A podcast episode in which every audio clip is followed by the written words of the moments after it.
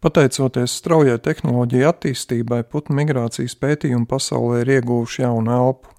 Dažādu veidu raidītāju un datu uzkrāšanas ierīces kļūst arvien pieejamākas un vieglākas. Pētījumu rezultāti par putnu spējām var pārsteigt pat zinātniekus. Piemēram, Aļaskā likstojošās sarkanās puskuiteles septiņās, astoņās dienās šķērso pusi pasaules virs klusā okeāna un trāpa tieši Jaunzēlandē, kur šīs pasaules putni pārziemo.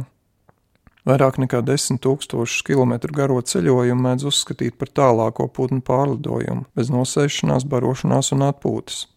Tomēr ir vēl viens ievērības cienīgs un sen gaidīts atklājums, kas savā ziņā tālu pārsniedz pieminēto rekordu.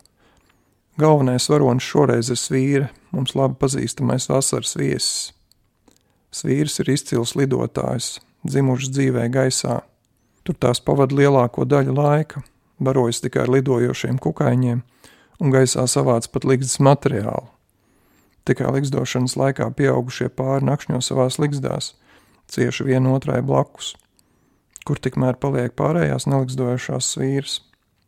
Jau pagājušā gadsimta ornitologi Eiropā novēroja, ka daļa no svīrēm vasaras vakaros paliek gaisā un paceļas vēl augstāk debesīs.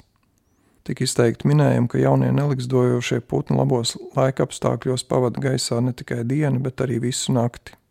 Līdzīgi pieņēmumi izskanēja par svīrēm migrāciju laikā un ziemošanas vietās Āfrikā. Gadu desmitiem šis jautājums palika bez pārliecinošas atbildes. Līdz zviedru zinātnieki pirms vairākiem gadiem aprīkoja svīrus ar ierīcēm, kas reģistrēja datus par to uzvedību. Daļu no uzliktajiem datu rakstītājiem pēc gada vai diviem izdevās atgūt, svīrs no jauna noķerot likstošanas vietās.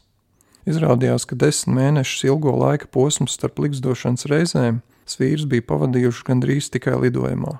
Vairākums putnu vismaz 99% laika bija dzīvojuši gaisā. Viens vīri nereiz nepiezemējās 314 dienas no vietas. Ja arī pienāks laiks krist šim rekordam, tad visticamāk to atkal paveiks kādas vīri.